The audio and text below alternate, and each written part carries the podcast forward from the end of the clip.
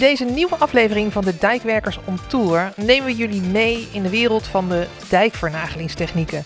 En we krijgen hierover uitleg van Huub de Bruin. En hij is geotechnisch expert bij Deltares.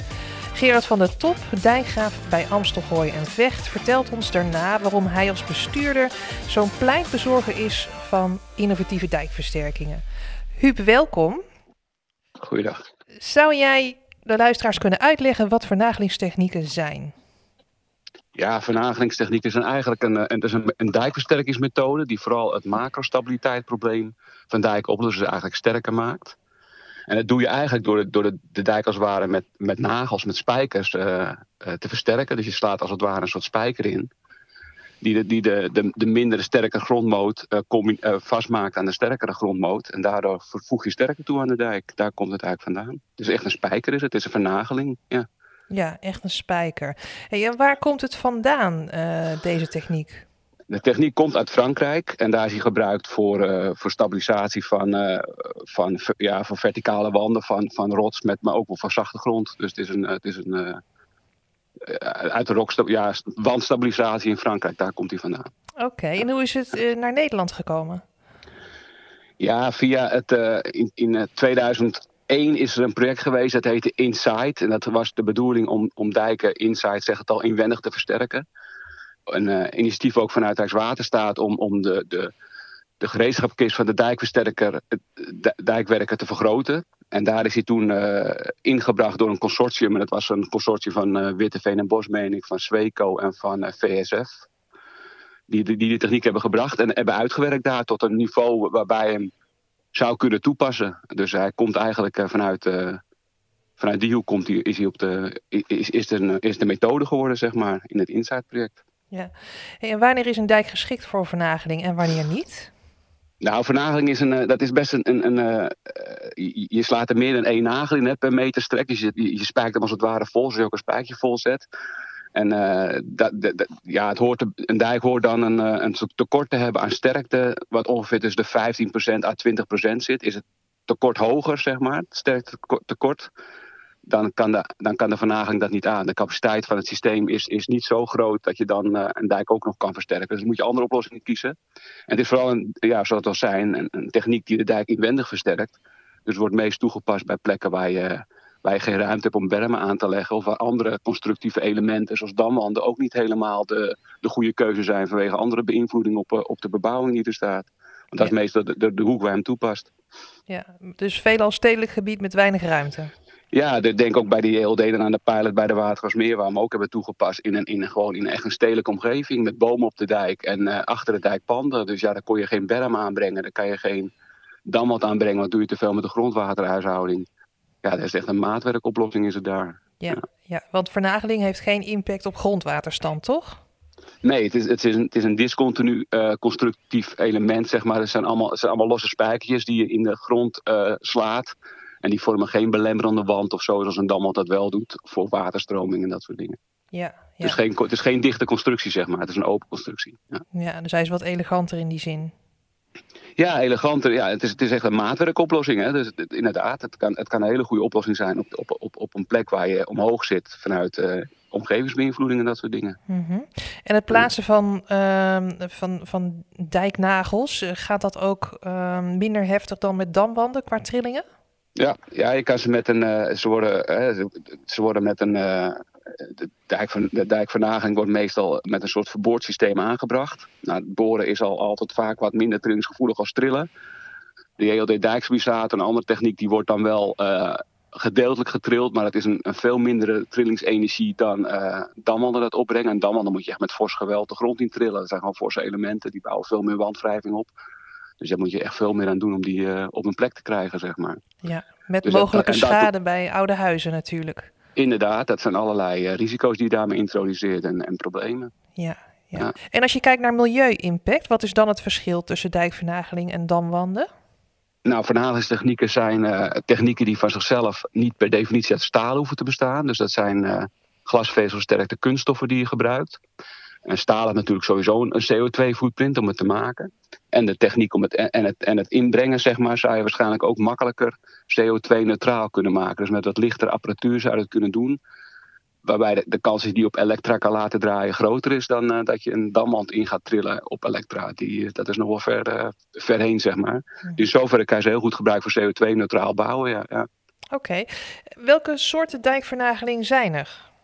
Uh, er zijn momenteel twee technieken op de, op de markt. Dat is de, de traditionele dijkvernageling van het consortium wat bestaat uit Sweco, Witteveen en Bos en Volker en VSF. En je hebt de, de JLD dijkstabilisator.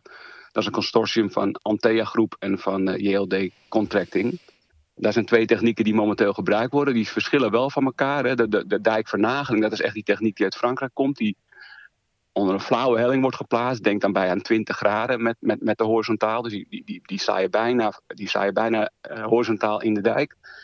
Hebben een, uh, een element waar de, waar, de trekkracht in opvangt. Zeg maar de, de kracht die je nodig hebt om die grondelementen op peil te houden. En je hebt een, aan de voorkant, dus aan maaivatkant, zeg maar, waar die ingebracht wordt.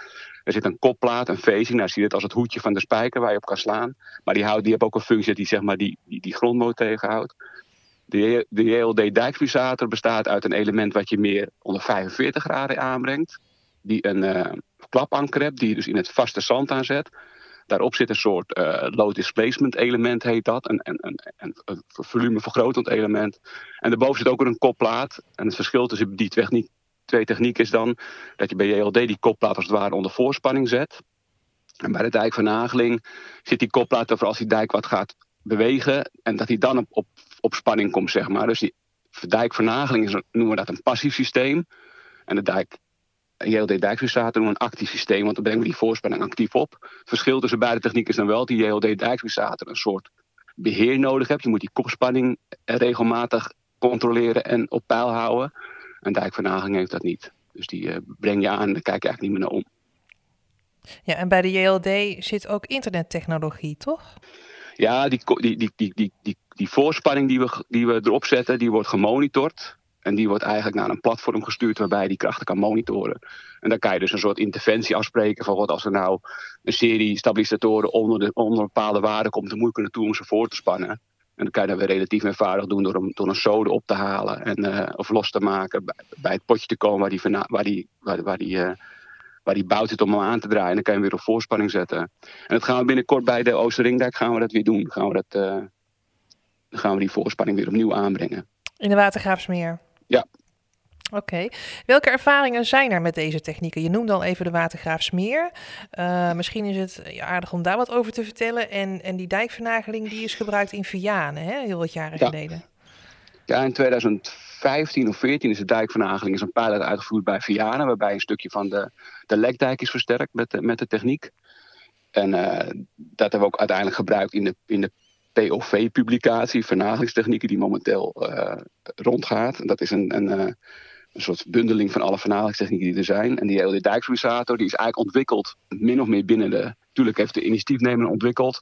Maar er zijn full-scale proeven voor gedaan. Er is een pilot op, uh, voor gedaan in de Watergasmeer. En dat is allemaal gedaan vanuit de POV macrostabiliteit. En uh, die, twee technieken zijn er momenteel. En dat is eigenlijk de stand van de ervaring. Dat we, dat we twee pilots hebben uitgevoerd. Hè. Watergasmeer is wel regionale waterkering, noemen we dat. Dus geen primaire kering, zoals bij Vianen. Maar ze zijn nog, ze zijn nog en ze hebben die twee pilotprojecten gehad, zeg maar. Ja, het expertise en netwerk waterveiligheid, hè, die heeft natuurlijk ook een hele belangrijke rol in, in dit soort dijkeninnovaties. Wat hebben zij geadviseerd over deze technieken? Nou, op, de, op, de, op het document waarin we alle technieken hebben samengevat en uh, zeg maar de, de, de beoordelingsmethode hebben opgeschreven, de, de ontwerpmethode hebben opgeschreven, dat, dat, dat document dat is naar uh, eh, ENW geweest, is de POV vernalingstechnieken, POV publicatie vernalingstechnieken. En daar hebben het ENW van gezegd dat ze inderdaad uh, toepasbaar zijn. Het is nog wel nieuw, er zijn nog een aantal aspecten die nog nader moeten worden onderzocht, maar dat is altijd bij nieuwe technieken. Maar dat, in principe hebben ze daar gezegd van we moeten ze gaan toepassen. En het mooie is dat eigenlijk we de, de aspecten die nog moeten onderzocht, die zijn natuurlijk nu een beetje aan een, uh, aan een wat, aan een, uh, die zijn ondervangen door er wat veilige afslagen in te kiezen, zeg maar, in het ontwerpproces. Maar als we die kennisvragen nog op kunnen lossen, kan het rendement van die constructies nog groter worden. En kunnen we gewoon nog meer optimaliseren met die technieken. Dus dan wordt het toepassingsgebied wat groter of we kunnen minder ankers gebruiken. Dus er lopen nu ook voorstellen om een paar van die kennisvragen nog op te pakken. En te kijken of we daarmee het rendement van de constructie kunnen vergroten of, het, of, of, of ze goedkoper kunnen maken in toepassing, dat je er minder nodig hebt, en dat je gewoon de capaciteit van de constructie kan vergroten. Wat we nu dus om, om, vanwege onzekerheid nog niet mee durven te nemen in de hele, in de hele methodiek. Huub, is er nog iets dat je de luisteraars op het hart wilt drukken?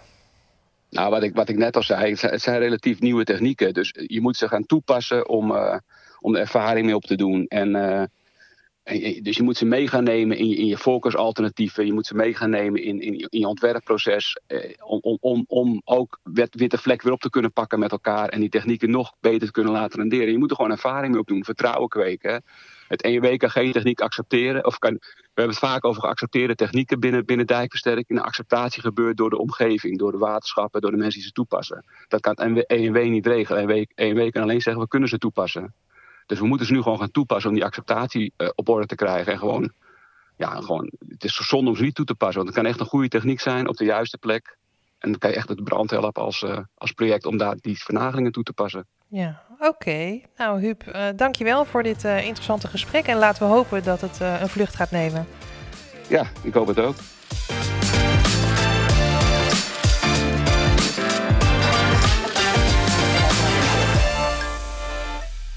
We bellen nu met Gerard van der Top. Naast dijkgraaf van Amstelgooi en Vecht is hij ook voorzitter van het expertise-netwerk Waterveiligheid.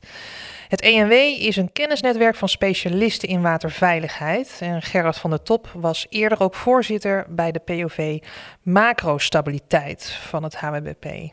En ook vanuit die rol uh, was Gerard heel actief bezig met innovaties, zoals bijvoorbeeld de dijkstabilisator. Gerard, welkom. Ja, hallo. Leuk dat ik uh, mag bijdragen aan deze podcast. Ja, zeker. Daar zijn we ook heel blij mee. Um, Gerard, jij was als bestuurder bij Amstelgooi en Vecht nauw betrokken bij die pilot van de dijkstabilisator in de Watergraafsmeer. Hè? Denk je daar nog vaak aan terug? Ja, dat, is, uh, dat, was een ontzettend bijzonder uh, traject. Het is natuurlijk een, een, een hele uh, ingewikkelde dijk midden in een heel dichtbevolkt gebied, waar je dan met zo'n nieuwe techniek uh, aan de slag gaat. En uh, dan kom je um, daar, um, nou, daar gaat natuurlijk allereerst een hele lange weg uh, naartoe. Voordat zo'n zo'n techniek ook voldoende bekend is en vertrouwd wordt om hem daar ook in die omgeving te kunnen toepassen. En dan, en dan kom je daar in zo'n bewonersavond. En dan, dan zitten daar al die bewoners. En dan wordt het ineens heel echt. Want dan zie je dat die mensen die vertrouwen ook werkelijk volkomen op datgene wat we doen. die, die weten ook dat ze daar letterlijk ver onder de waterlijn uh, wonen. Uh, vier meter onder NAP. En dan ga je daar zo'n nieuwe techniek uh, toepassen. Dus op dat moment, en dat, dat is ook wel iets wat mij als, als bestuurder ook echt inspireert en ook bezighoudt, is dat je dan echt zeker wil weten dat je naar de mensen voor wie je het allemaal doet, kan zeggen met een volledig gerust gemoed dat datgene wat we daar gaan toepassen zo goed is getest en zo goed is berekend en zo goed is uitgeprobeerd ook in praktijksituaties, dat je het hier inderdaad kan toepassen.